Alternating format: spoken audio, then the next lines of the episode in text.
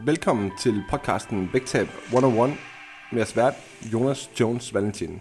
Vægtab 101 er podcasten for dig, som gerne vil blive lidt klogere på nuancerne i vægttab og blive lidt bedre stillet til din egen kamp imod kiloene. Derfor så tager jeg hver uge emner op, som jeg løbende støder på i mit daglige arbejde med mine klienter. Du kan jo følge mig og mit arbejde på min private Instagram under navnet Jonas Jones Valentin. Og med det sagt, så lad os komme videre til dagens episode. What's up guys, og velkommen tilbage på podcasten Vægtab 101, hvor at jeg i dag sidder klar til at optage ugens episode til jer derude. Øhm, og når jeg nu siger jeg, og som I også godt kan se jer, som ser med på Instagram, jamen så er det kun mig, der sidder i dag og optager ugens episode. Det er simpelthen fordi den gode Mark Andersen lige har et par dage away, så at sige. Det skal vi nok komme tilbage til, men, men der er intet Øhm, der er ingen problemer på linjen eller noget som helst. Det er sådan set bare lige et par dage away, hvor vi ikke lige kunne få det til at passe ind, sådan til at det er bare mig, som i dag må sidde og gøre, som jeg har gjort så mange gange, at sidde her og optage podcasten selv.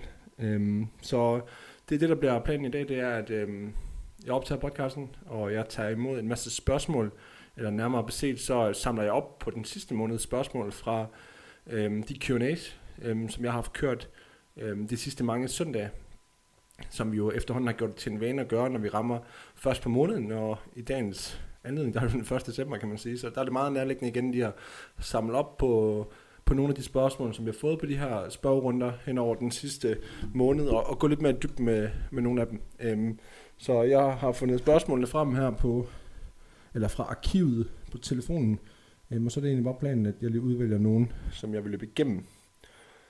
Så yes, før vi ryger ind i, i ugens episode sådan helt officielt, så vil jeg selvfølgelig gerne starte med at sige, at ugens episode er sponsoreret af Stramopholdet, træning og sund kost, som du rent faktisk får lavet. Og hvis du godt kunne tænke dig at blive en del af Stramopholdet, jamen, så kan du hele december måned igennem her øhm, tilmelde dig. Og så får du til med en måned gratis. Øhm, lad os sige, du får december måned gratis, og så har du altså januar med, som du har betalt for. Eller vi kan også vente om, alt efter hvor mange du har at du betaler nu, øhm, og så har du, hvad kan man sige, betalt for december måned, og så får du januar måned gratis stedet for. Det kommer ud på det samme. Faktum er bare, at du køber en måned, du får to måneder. Øhm, så hvis du vil gerne guide dig sikkert igennem julen, og øh, få etableret nogle rutiner, øhm, få etableret et fundament, som du kan arbejde videre på fra start januar, jamen så kom i gang nu, uden at tilbud, fordi at øhm, det er nærmere reglen end undtagelsen, at, at der kommer noget rigtig godt ud af at starte her i december måned, i stedet for at blive ved med at være inde i den der cirkel, som vi så tit også snakker ind i, hvor man lige udsætter det til øh, god gamle land januar, eller hvad det nu skal være. Så øh, du finder linket til at tilmelde dig enten på vores Instagram-profiler, øh, og eller også finder du det her i linket til show notes, som det plejer at ligge. Så med det sagt, så vil jeg da dykke ned i, i spørgsmålene og se, hvor det skal føres hen i den her uge. Øhm, og lad os se, hvad vi har at byde på. Alright. Så hvis vi nu starter her. Øhm, der har jeg fået et spørgsmål fra Helle. Helle hun spørger, vil du sætte kalorier, eller vil du sætte kalorieindtaget op resten af året, selvom man gerne vil tabe sig? Og det er jo faktisk et spørgsmål, som er meget højaktuelt lige nu i forhold til, hvor på året vi er. Altså vil jeg sætte kalorieindtaget op øhm, resten af året, selvom jeg gerne vil tabe mig? Øhm, så altså, vi kan konkludere ud fra det spørgsmål her, at, at der er et ønske om, at selvom at vi er, hvor vi nu engang er på året, december måned, jamen, så vil man gerne se, at, at der er en eller anden form for fremgang stadigvæk. Så øhm, det første, jeg vil starte med at gøre, det er, at vi kigger lidt på, hvad har der været foregået de sidste par måneder. Øhm, hvor er vi henne i forhold til et vægttab? Lad os nu sige, at nu er den 1. december, det kan være, at der er september, oktober, november er gået, og man har haft en fin fremgang der. Lad os sige, at på tre måneder er det blevet smidt 7 kilo. Det er sådan en meget fornuftigt vægttab. Øhm, ud fra den data, vi har der, så der kan vi konkludere med den bevægelse, du har praktiseret de sidste tre måneder. Der har du sådan gennemsnitligt haft et kalorieunderskud på cirka et sted mellem 3500 og 4000 kalorier i ugen. Og det der så er den vigtige nuance her at have med her, og, og, og det er vigtigt, at I tager det her til jer derude også, fordi det ved jeg, at der er rigtig mange, der står med det her, det er, at øhm, I har jo et rådrum. Hvis I holder jeres aktivitetsniveau ganske, hvor det plejer at være, så har I et rådrum med jeres kalorier med mængden af mad, I indtager, hvor I kan tillade jer enten at spise en hel del mere mad, uden at tage noget fedt på, eller I kan tillade jer, og lad os sige, skal vi bare sige, vi, vi bruger 1500 eller 2000 kalorier ekstra øhm, om ugen. Lad os sige, at vi tager 2000 kalorier, det er cirka 300 kalorier om dagen i gennemsnit. Det vil sige, at du kan tilføje 300 kalorier om dagen til din kost, og alligevel se et fornuftigt vægttab. Det er klart, at vægttabet det går langsomt, og sådan er det jo, når man tilføjer 2000 kalorier til din kost. Men det er ikke sådan, at du bare lige fjerner de kalorieunderskud fra den ene dag til den anden.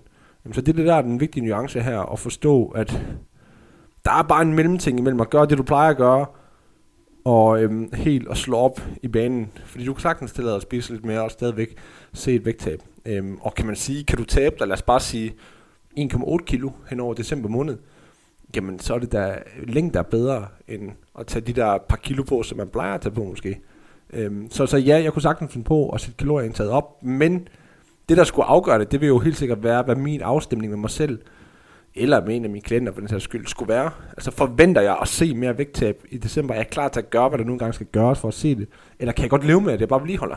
Øhm, så, så det er helt sikkert en afstemning, man lige skal gøre med sig selv, før man, man vælger at justere. Men Øhm, det vigtige budskab er her, det er altså, at du har mere rum at løbe på i forhold til at gøre, hvad du plejer at gøre, hvis du plejer at se et vægttab. Yes. Øhm, så det var en uddybning på det første spørgsmål. Lad os se, hvad vi ellers har. Alright, alright, alright. Hvad gør det af forskel, hvis jeg laver cirka 15-20 gentagelser af letvægt, eller 7-10 gentagelser af tungvægt? Det her det er et spørgsmål, der kommer fra, øh, ja, nu hedder brugeren selv Hanni 0. altså, øhm, jeg skal ikke lige kunne sige, hvad navnet er. Det er jo mindre vigtigt. Anyway, hvad gør der forskel, hvis vi laver 15-20 gentagelser med letvægt, eller vi kører 7-10 gentagelser med tungvægt? Øhm, så, så, så den forskel, der oftest er i praksis, som jeg har erfaret mig, både fra egen krop, men også fra at observere klienter træne, det er, at det er nemmere at træne hårdt nok på 7-10 gentagelser, end 12-15 gentagelser. Øhm, og det er vigtigt, fordi at forskellen på de to, det er, at du kan få, du kan faktisk få mere eller mindre samme resultater ud af det, øhm, uanset om du laver 7-10 eller 12-15. Men der er bare en tendens til, at jo flere gentagelser man tager, jo vigtigere er det, at man træner så meget, man overhovedet kan. Så lad os nu sige 12-15, det vil jeg så sige, det er sådan lige, Øhm, det, det er ikke mange, mange gentagelser. Øh, lad, lad os, hvis, vi, hvis vi prøver at, at tegne eksemplet mere ekstremt op, og sige, jamen, lad os sige 15 til 20 eller 20 til 25 gentagelser. Hvis du er oppe og kører så mange gentagelser, hvis du skal have det samme ud af det muskulært, øhm, som du skal på 7 til 10, så er det endnu vigtigere for dig, når du tager de her 20 til 25 eller 15 til 20, at du træner alt, hvad du kan, og ikke gemmer noget, øhm, end det er ved 7 til 10. Fordi ved 7 til 10, der kan vi godt tillade os at have lidt, have lidt i banken, og stadigvæk få nogle fine resultater ud af det. Så der behøver vi ikke køre til failure failure. Øhm, hvor at når belastningen er så let som den er, når vi skulle tage 20 til 25 eller 15 til 20 reps, jamen så er det vigtigere, at vi træner til failure. Så, så konklusionen her, det er, at vi kan sagtens få rigtig gode resultater ud af dem begge to, også hvis vi både snakker muskelmasse og, og opstramning og vægttab for den sags skyld, hvor vi også ved, at der er en række andre faktorer, der selvfølgelig spiller ind. Men det kan vi sagtens få ud af det. Øhm, men igen, i praksis, både fra personlig erfaring og også for, for klienter, der vil jeg sige, at, at det er mere sandsynligt, at du træner hårdt nok, hvis du laver lidt færre gentagelser. Den klassisk vil for eksempel være 8-12. Det er et godt sted at ligge. Altså det er et meget simpelt sted at ligge. Det er meget, meget nemt at forholde sig til. Øhm, det vil være nemmere at træne hårdt nok der, end det vil være, hvis du for eksempel skulle lave 12-15 eller 15-20. Fordi at det der med at træne rigtig hårdt på for eksempel 15 gentagelser, det er sgu lidt ulækkert, så at sige. Øhm, fordi det bliver hårdt på rigtig mange måder, og nogle gange så bliver det også hårdt på andre måder, end, end hvad hedder det, øhm, end nødvendigvis muskulært. Måske vi bliver træt i underarmen først, måske vi bliver træt i lænden af at stå foroverbøjet. Måske det er pulsen, som stikker af for os i stedet for. Du ved, der er mange ting, som kan gå ind og gøre, at det ikke er muskulær udmattelse, der gør, at vi stopper. Øhm, så, så det der forskellen. Generelt siger man, at jo flere gentagelser man tager, jo vigtigere er det at træne helt til failure, hvis man skal have det samme ud af det, som man for eksempel får på 7-10 eller 8-12. Alright. Øhm, og igen, det her, det, det er vel at mærke i forhold til, at hvis du skal have det mest muligt ud af det muskulært, fordi hvis, hvis du træner for at skadesforbygge, eller bare styrke kroppen generelt, så er begge dele jo ganske glimrende. Det er der slet ikke nogen tvivl om. Alright. Spørgsmål fra Sonja. Hun spørger, godt råd til at kunne holde godt råd til at kunne holde sin kostplan mere end 14 dage ad gangen. lad mig bare sige ganske kort og hurtigt, at hvis du kun kan holde din kostplan, din strategi, din tilgang, eller hvad end det nu er, dine kalorier for den sags skyld, 14 dage i gangen, jamen så er der et eller andet, som du, et eller andet ved det, som, som du går og laver til dagligt, som bare ikke passer dig skide godt. Øhm, jeg plejer altid at sige til, til nye klienter, når jeg starter dem op, at det allervigtigste, jeg måler på, de to ting, som jeg måler på og sætter op mod hinanden til at starte med, det er et, hvordan trives du? Og to, hvad er det for en fremgang, vi får ud af det her? Fordi at det kan godt være, at, at vi får noget fremgang ud af det til at starte med, men hvis man ikke trives, så kommer den fremgang ikke til at vare ved, fordi hvis vi ikke trives i vores aftaler, så er det et spørgsmål om tid, for at vi stopper med at holde dem.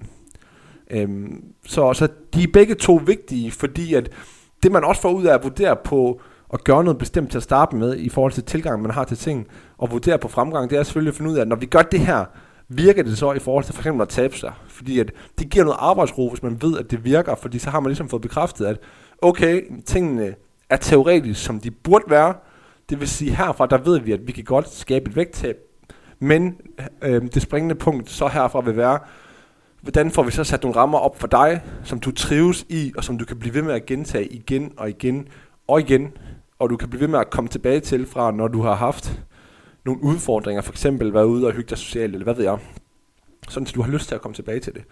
Øhm, så generelt igen, hvis der er øhm, 14 dage, og så kan du ikke holde din aftale med dig selv mere, jamen så har vi en grundlæggende udfordring i forhold til måden, som, som vi tilgår vores vægttab på, vores, vores plan, vores mad, fordi at, at, det lugter bare af, at der er rigtig mange midlertidige tiltag forbundet med det. Og så er der en eller anden, der skriver, ja, men hun må skulle lige vente. uh, alright. Skal jeg lige tage det sidste spørgsmål herfra. Uh, hvor ofte får man en ny kostplan i et forløb ved jer? Alright, Jenny. Øhm, det her med at få en ny kostplan, er grundlæggende ikke noget, som, som vi går ind for. Fordi at når man skal have en ny kostplan ofte, og jeg kan forestille mig, at det her spørgsmål, det udspringer lidt fra det, der generelt har været tendensen i branchen i, i lang tid. Øhm, men hvor jeg alligevel har en fornemmelse af, at det er sådan lidt på tilbagetog faktisk.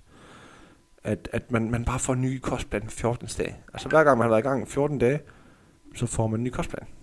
Øhm, og grunden til, at det ikke er skide hensigtsmæssigt, det er simpelthen fordi, at det gør, at vi lige pludselig binder vores vægttab meget op på, at vi skal følge den her kostplan.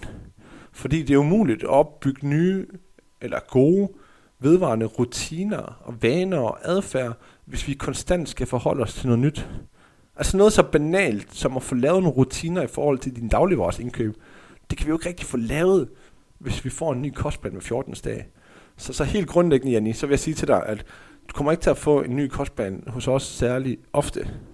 Vi vil gerne lave en mad inspirationsplan til dig, så du har noget at læne dig op af i din hverdag. Det vil vi helt sikkert gerne. Øhm, det oplever vi også en god effekt ved, at man ligesom har noget at gå ud fra. Men vi kommer til at coach der væk fra den. Vi kommer til at coach dig hen imod at kunne lande på fødderne også, når du øhm, ikke kan følge en plan. Fordi at det kommer til at ske. Det kommer til at ske ofte, og det er heller ikke det, der er målet med måden at drive sit vægttab på, at man skal følge sin plan konstant, fordi så får man meget midlertidige resultater, fordi det er en meget midlertidig tilgang. Yes. Nu håber jeg godt nok, det stopper med at bimle og bamle, og folk, der skriver til mig konstant her. Alright, lad os lige klikke videre til den næste her. Øhm, jeg har fået et spørgsmål fra den gode fru Simonsen, og fru Simonsen, hun spørger, laver, eller hun skriver og spørger, Laver madplan til aften. Hvor vigtigt er planlægning af de sidste måltider? Alright, så øhm, det lyder til, at der er, er en eller anden form for struktur på aftensmaden her hos fru Simonsen og company, familie formentlig. Øhm, og det synes jeg er positivt, fordi at det giver, mig, det giver mening for mange familier generelt at have en, have en, en madplanstruktur i forhold til aftensmad, så man kan få styr på sin indkøb, så man ikke står hver aften og skal finde på noget nyt. At det ved jeg, det kan vi selv slås med en gang imellem indtil vi lige kommer i tanke om, at vi har bunker af opskrifter liggende, som vi deler med vores klienter, som vi egentlig også bare ender med at bruge selv. Øh, men i gang imellem, så kan man godt blive lidt idé for selvom der er tusindvis af idéer. Det er måske bare, fordi man ikke helt kan vælge, hvad man gerne vil. Anyway, øhm, så, så på den måde giver det mening i forhold til dit indkøb, i forhold til at have en plan for aftensmaden i løbet af ugen, at man ved, hvad man skal købe. Og, og det er jo meget udbredt vægttab eller ikke vægttab. Altså det er sådan set mindre vigtigt, om det er et vægttab. Øhm, så på den måde giver det mening. Men omvendt, så vil jeg også sige, at, at det vi generelt coacher vores klienter i, det er, at øhm, det er mere resten af dagen. Altså det er ikke aftensmad, som vi skal levere den helt store indsats på. Det er ikke der, vi skal bruge vores energi på at have, være virkelig struktureret. Fordi vi kører jo meget grundlæggende og meget lavpraktisk, meget simpelt med et aftensmads koncept hos vores klienter, der hedder spis en portion. Uanset hvad der bliver sat på bordet, så spiser du bare en portion. Og skal vi lægge en lille halv regel oven på den også, så vil det være, jamen så får der grøntsager til stede på den tallerken. Det vil sige, at vi er ikke interesseret i, at vi skal tælle og veje og track vores mad til aftensmad. Vi er interesseret i at øve os i at holde os til en portion. Og det, det giver os at holde os til en portion, det er for eksempel, at når vi kun spiser en portion til aftensmad, jamen vi skal ikke track vores mad, vi skal ikke veje vores mad, vi skal ikke tælle vores kalorier i en app til aftensmad. Øhm, vi skal heller ikke, eller der er ikke noget, som vi ikke må spise. Vi, vi må spise lige præcis, hvad der bliver serveret. Øhm, og så sørger vi selvfølgelig bare for, og det er også grundlæggende fuldstændig almindeligt, når vi gerne vil tabe os, jamen så er det klart, så er der øhm, et godt varieret valg af aftensmad hen over ugen. Det vil sige, det er ikke den helt tunge, som vi får hver aften. Det er ikke bøf barnæs, som, som vi kører hver eneste aften, eller øhm, kom med et andet eksempel på noget, på, noget, på noget tungt noget. Hvad kunne det være? Jamen det kunne være en anden form for lad os sige nu, i forhold til hvor vi er på Aarhus, årstiden, det kunne være, at der var en, en morgens aften med noget, noget andet steg og kartofler på den ene og den anden måde. Øhm, så det er sådan, at det var da utroligt. øhm, altså det er sådan, at, at når vi kører på den her måde, øhm, at man bare siger, at man skal, man skal øhm, spise en portion, jamen, jamen, så giver det rigtig mange friheder, fordi man behøver ikke alle de der ting der. Jeg bliver sindssyg af at høre alle de der notifikationer, det beklager jeg mange gange. Anyway, når man kun skal spise en portion til sin aftensmad, så giver det rigtig mange friheder, og igen den eneste pris, som vi skal betale for at få lov til at få de her friheder, det er at holde dig til en portion. Øhm, og jeg må bare sige, at nu har vi arbejdet med mange klienter i år, sidste år for den skyld også, og i år. Øhm, og der er rigtig god respons på det her. Altså vi oplever, at det giver en rigtig stor ro omkring aftensmaden. Fordi aftensmaden skal jo gerne være en stund, hvor man ligesom kan nyde det med familien, i stedet for at sidde og stresse over, at ens kalorier de passer. Især fordi, at de kommer ikke til at passe alligevel, uanset hvor meget du prøver at få det til at passe perfekt. Altså, det er jo svært, når du laver mad, mad til 4 eller 5 mennesker. Så det er klart, at det er svært at vide, hvor mange kalorier du helt præcis får. Så der er ingen grund til, at vi forsøger på det. Øhm, så i stedet for, øhm, og, og, det anbefaler vi grundlæggende til alle også, jamen, så, så gå den ekstra mil med de måltider, du selv styrer i løbet af dagen. Langt de fleste af os, langt de fleste af os, vi har, Øh, langt de fleste af os, vi har Øh, vi er selv her over vores morgenmad, vi er selv her over vores frokost, vi er selv her over, vi spiser for eksempel eftermiddagen. Vi er typisk også selv her over i mange tilfælde, når vi spiser i sofaen om aftenen. Det vil sige, det er basically kun aftensmaden, som vi ikke helt selv kan styre. Så lad os nu gå den ekstra min med det, vi egentlig har mulighed for at styre, i stedet for at kæmpe en, en, en unødig kamp, som at skulle kontrollere sin aftensmad. Så jeg vil sige, fru Simonsen, at, at i, i min optik er det vigtigere at have en plan for, hvad du gør resten af dagen, end hvad du gør til aftensmad. Men jeg kan sagtens forstå, at det giver mening i et helt almindeligt familieliv at planlægge aftensmaden for ugens løb også, så det giver mening i forhold til indkøb og så videre. Men det skal være det, der er argumentet for det. Øhm, og så du har styr på, at børnene får noget mad og så videre. Og ikke fordi, at vi skal vide, hvor mange kalorier der er i alle de ting der. Alright. Øhm, vi rykker videre. Bum, bum, bum, bum, bum. Øh, hvorfor skal vi tage? Kæmpe ros til hele holdet. Tak for det, Lene. Tusind tak. Det sætter vi stor pris på. Her har vi et spørgsmål, som er meget interessant, synes jeg egentlig. Det er fra Charlotte. Charlotte, hun spørger, ville du fjerne alle flydende kalorier, hvis jeg bad om din hjælp? Flydende kalorier, lad os tale lidt om dem så. Øhm, vil jeg fjerne alle flydende kalorier øhm, fra en klient, hvis hun kommer og siger til mig, at jeg vil gerne have et glas mælk til morgenmad. Jeg får også lige et glas juice til frokost. Jeg får egentlig også lige en rød cola til aftensmad. Og så får jeg måske også lige en latte til, natmad, til natmaden. Eller til natmaden, til, til aftensnakken.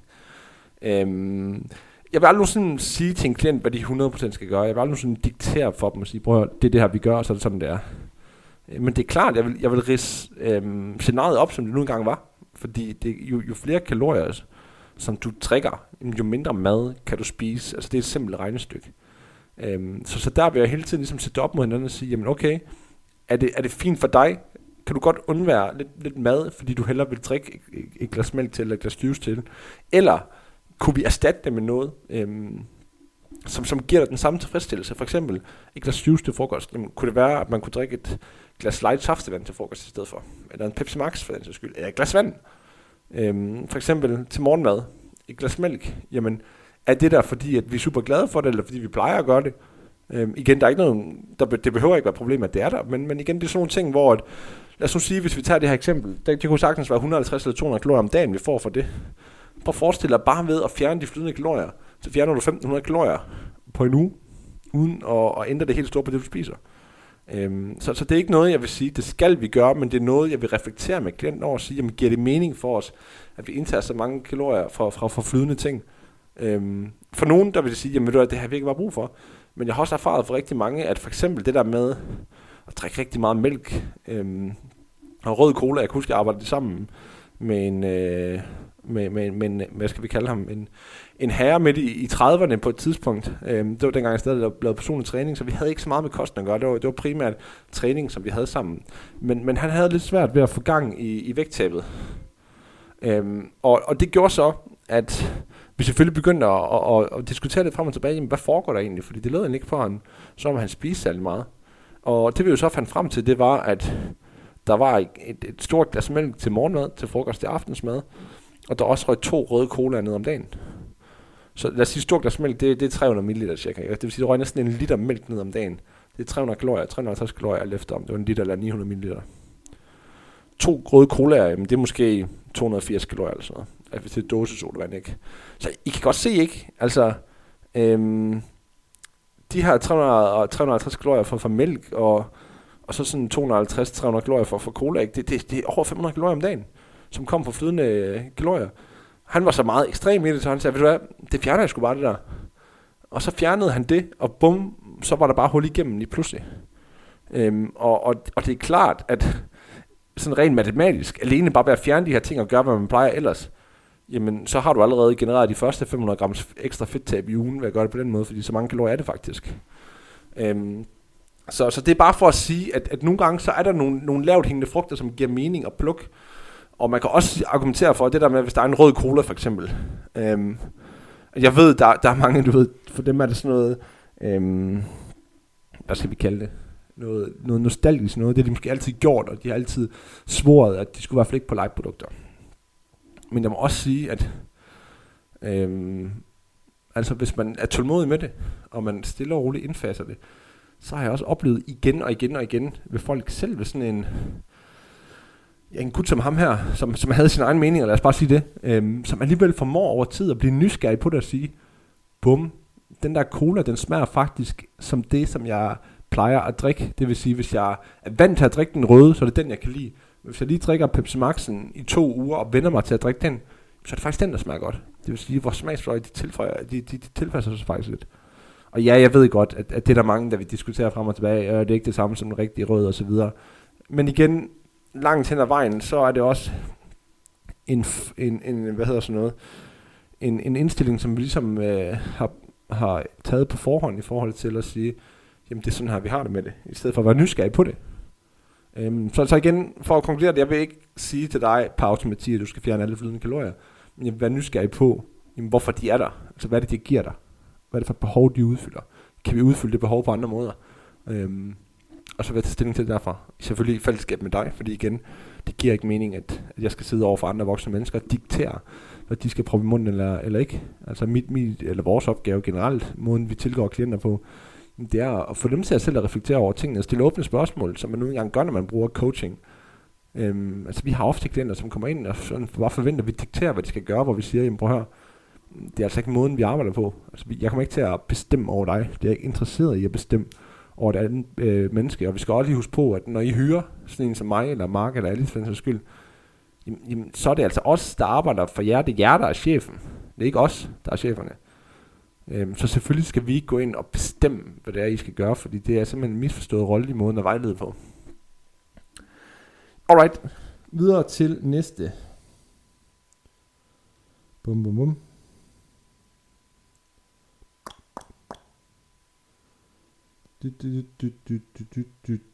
Hvad skal vi vælge? Øhm Skal man starte på et vægttabsforløb nu, selvom december er med mange aftaler? Så den er jo meget højaktuel, den her, og den kommer så sågar midt i november måned. Øhm, og jeg kan godt, af, hvad hedder det, jeg kan godt afsløre, at Karina her, som har stillet spørgsmålet, har jeg haft en god snak med, og Karina hun begyndte sit forløb for en god uge siden, det vil sige en uge før november måned udløb. Øhm, fordi at, at når alt kom til alt, og vi tog en god snak omkring tingene, så viste det sig jo faktisk, at Karinas mål, det var øhm, ikke bare at tabe sig. Karinas mål, det var faktisk at lave en livsstilsændring. Karinas mål, det var faktisk at øhm, opnå et vægttab, som skulle være realistisk, at hun kunne holde. Og situationen er jo bare den, at, at hvis, hvis dit mål det er, at, at du skal have et vægttab, øhm, som skal være holdbart på den lange bane, måske endda øhm, allerhelst også være en livsstilsændring, ikke? hvor vi begynder at forbinde vores fødevarevalg og vores motionsformer med andet end bare vægttab, jamen så er et tidspunkt på året det allermindst vigtige i forhold til, hvornår du skal starte. Og jeg vil nærmere sige, at det der med at skal sidde her og sige på nuværende tidspunkt 1. december, at jeg først vil starte 2. januar, det taler direkte imod din målsætning om øhm, at skulle opnå et permanent vægttab. Så taler direkte imod din målsætning om at lave en livsstilsændring, fordi december og jul og påske og sommerferie og hvad end der nu er, det stopper aldrig nogensinde med at komme, og kusk lov for det, for det er gode tider. Men det vil også sige, at det spiller en central rolle, og vi siger det her igen og igen, det spiller en central rolle i dit vægttab. Det spiller en central rolle i dit livsstilsændring, fordi du skal selvfølgelig kunne lære at tilgå de her ting, uden at det handler om, at du er på kur, uden at det handler om, at det enten bliver alt eller intet. Altså, du har måske prøvet det tidligere, hvor du virkelig har kæmpet ballerne sammen igennem julene, og virkelig holdt dig til det, for så året efter at gøre det stik modsat, ikke? Så øhm, det er de nuancer, vi gerne vil have. Øhm, så øhm, hvis dit mål, det er øhm, en livsstilsændring, et vægttab, hvor sandsynligheden er så god, som den overhovedet kan være, selvom at det aldrig nogensinde kan være helt sikkert, på at det bliver et vejt vægttab, jamen det giver pisse meget mening at starte nu så. Øhm, det gør det.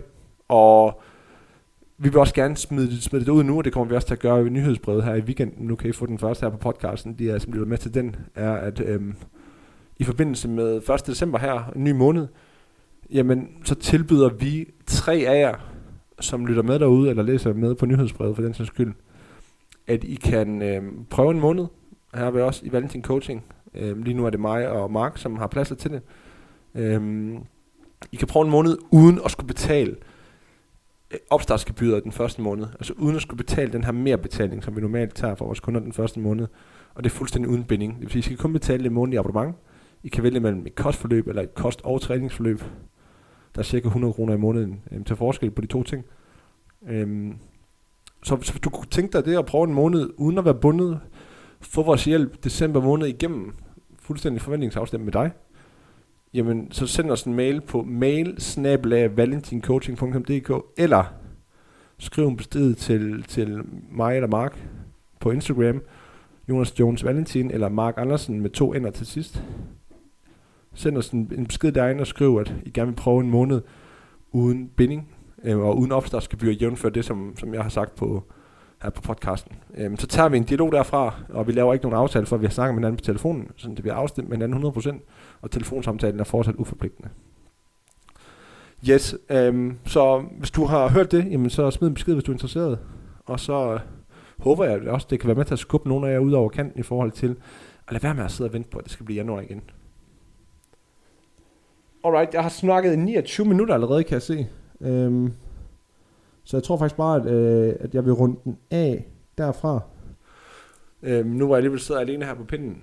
Og så vil jeg sige, at øhm, hvis du synes om det, vi laver, hvis du synes, at de her podcast, vi laver, de hjælper dig i dit vægttab, øhm, uanset om det er, når jeg laver dem, eller når det er mig og Mark, der laver dem sammen, jamen, så skulle du tage og, og fortælle dine venner om os. Altså anbefale os til dine venner, så altså, vi kan få udbredt podcasten lidt du må rigtig, rigtig, rigtig gerne også lave en vurdering eller en anmeldelse i din podcast-app. Det tager cirka 10 sekunder, ikke engang, at lave en vurdering ind på Spotify eller iTunes podcast-app. Vi sætter så stor pris på det. Altså, vi er stadigvæk ikke helt nede op på 100 anmeldelser inde på iTunes. Vi vil så gerne at, at du lige gør det. Så hvis du nu lytter med, og du gør det, og har gjort det det meste af året, du ved, at vi udkommer på ugenlig basis, jamen så giv lidt igen. Gå ind og lave en, en god anmeldelse, altså det sætter vi sgu stor pris på. Og ellers har du et emne, som, som vi skal tage op i løbet af december måned. Jamen igen, smid som skid ind på Instagram, eller ind i vores vægttab hashtag 101 fællesskab ind på Facebook. Øhm, smid en besked der. Og så skal vi nok kigge på det. Og ellers så vil jeg bare sige tak, fordi du har lyttet med igen her på dagens monolog. Øhm, og 7. 13, så er vi tilbage fuldtallet igen i næste uge, men det skal, vi nok give, det skal vi nok lige give en melding på. Den gode Mark Andersen skal nok melde ud, når der er noget og melde ud.